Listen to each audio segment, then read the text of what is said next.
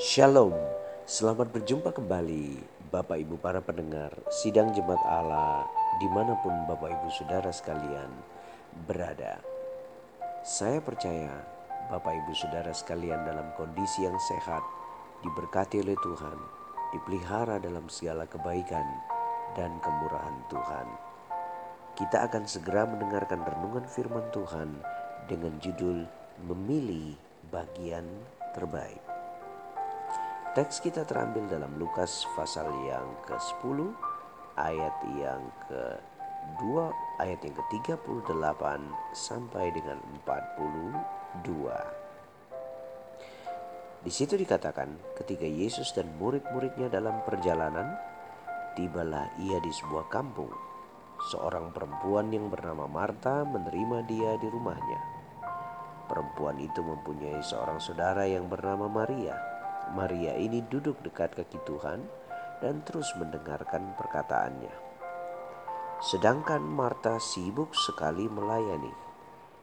Ia mendekati Yesus dan berkata, "Tuhan, tidakkah Engkau peduli bahwa saudara Tidakkah Engkau peduli bahwa saudaraku membiarkan aku melayani seorang diri?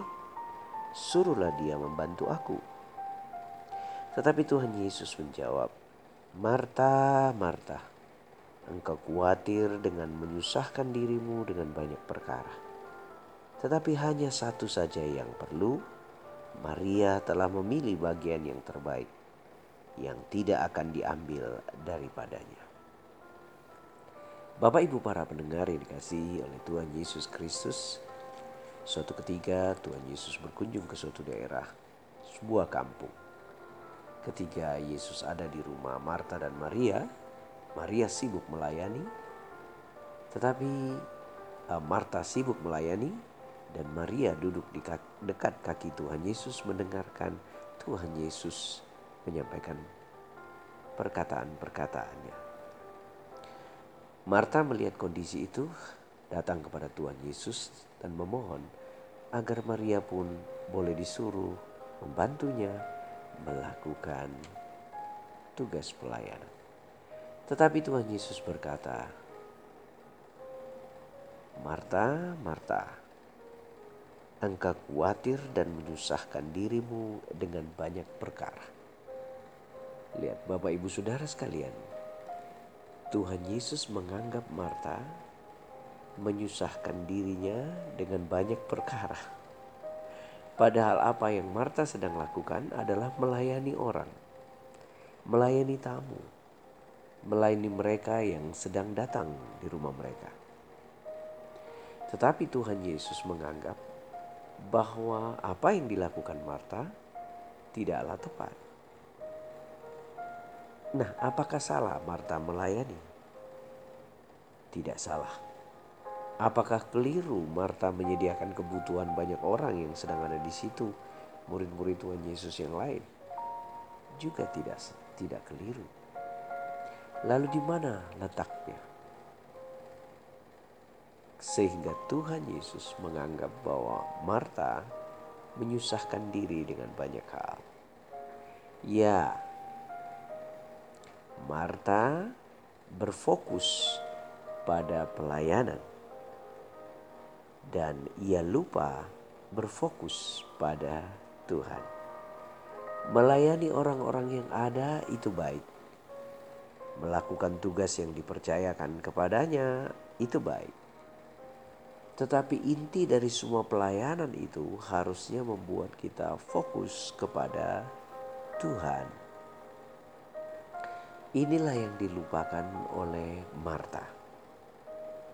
Marta sibuk dan menyusahkan dirinya dengan melayani, melayani sesama, dan melayani kebutuhan daripada orang-orang yang ada yang mengikuti Tuhan Yesus, yaitu murid-muridnya. Dan Tuhan Yesus menegurnya. Sebaliknya berbeda dengan Maria, ia duduk di kaki Tuhan mendengarkan perkataan Tuhan. Dan Tuhan berkata kepadanya, Maria telah memilih bagian yang terbaik. Jadi, Bapak Ibu Saudara sekalian, pelayanan kita tugas gerejawi kita, kegiatan kita akan sama sekali tanpa makna jika kita melakukannya dengan tidak terfokus kepada Kristus. Karena kita melayanilah, kita harus fokus kepada Kristus. Kristuslah tempat di mana kita boleh datang melayani Dia, dan cara yang terbaik adalah mendengarkan firman-Nya. Nah Bapak Ibu Saudara yang dikasih Tuhan, apakah berarti bahwa pelayanan-pelayanan yang lain, sosial, bantuan kepada sesama itu tidak penting? Sama pentingnya. Hanya Marta tidak menempatkan dirinya. Saat untuk mendengarkan firman Tuhan, dia sibuk melakukan tugas pelayanan. Nah Bapak Ibu Saudara dikasih Tuhan, mungkin masalah Marta adalah tidak menempatkan dirinya di tempat yang tepat. Dia memilih bagian yang kurang tepat. Itulah sebabnya Tuhan Yesus berkata, "Engkau menyibukkan dirimu dengan berbagai macam hal, tetapi hanya satu yang perlu, dan Maria telah memilih bagian yang terbaik." yang tidak akan diambil daripadanya. Apakah itu? Duduk mendengarkan firman Tuhan. Nah, bagaimana dengan Bapak Ibu hari ini? Apakah ada waktu kita untuk mendengarkan firman-Nya? Untuk merenungkan perkataannya? Mendengarkan apa yang disampaikannya? Sehingga benar-benar kita memperoleh kekuatan dari dalamnya. Tahukah Bapak Ibu Saudara sekalian, Tuhan Yesus bersuka cita ketika orang mendengarkan firman-Nya. Dan ketika orang mendengarkan firman-Nya itulah orang-orang yang mendengarkan akan dikuatkan. Rupa-rupanya Maria fokus akan hal ini. Sehingga dia tidak sibuk memikirkan hal lain selain mendengarkan firman Tuhan. Nah Bapak Ibu, ambillah waktu sejenak. Buatlah kesempatan untuk mendengarkan firman Tuhan. Lewat renungan ini, lewat membaca Alkitab, lewat menaikkan pujian, lewat apa pun itu. Di mana ada waktu kita untuk Tuhan. Wah pak saya nggak ada waktu untuk itu. Sebetulnya bukan tidak ada waktu. Tidak ada kemauan untuk itu. Nah, Bapak Ibu Saudara yang dikasih Tuhan, kiranya kita mengambil bagian terbaik hari ini Tuhan menyertai kita, Tuhan memberkati kita. Terimalah berkat sehat, kuat, dan panjang umur. Masa depan cerah menjadi bagian kita. Shalom.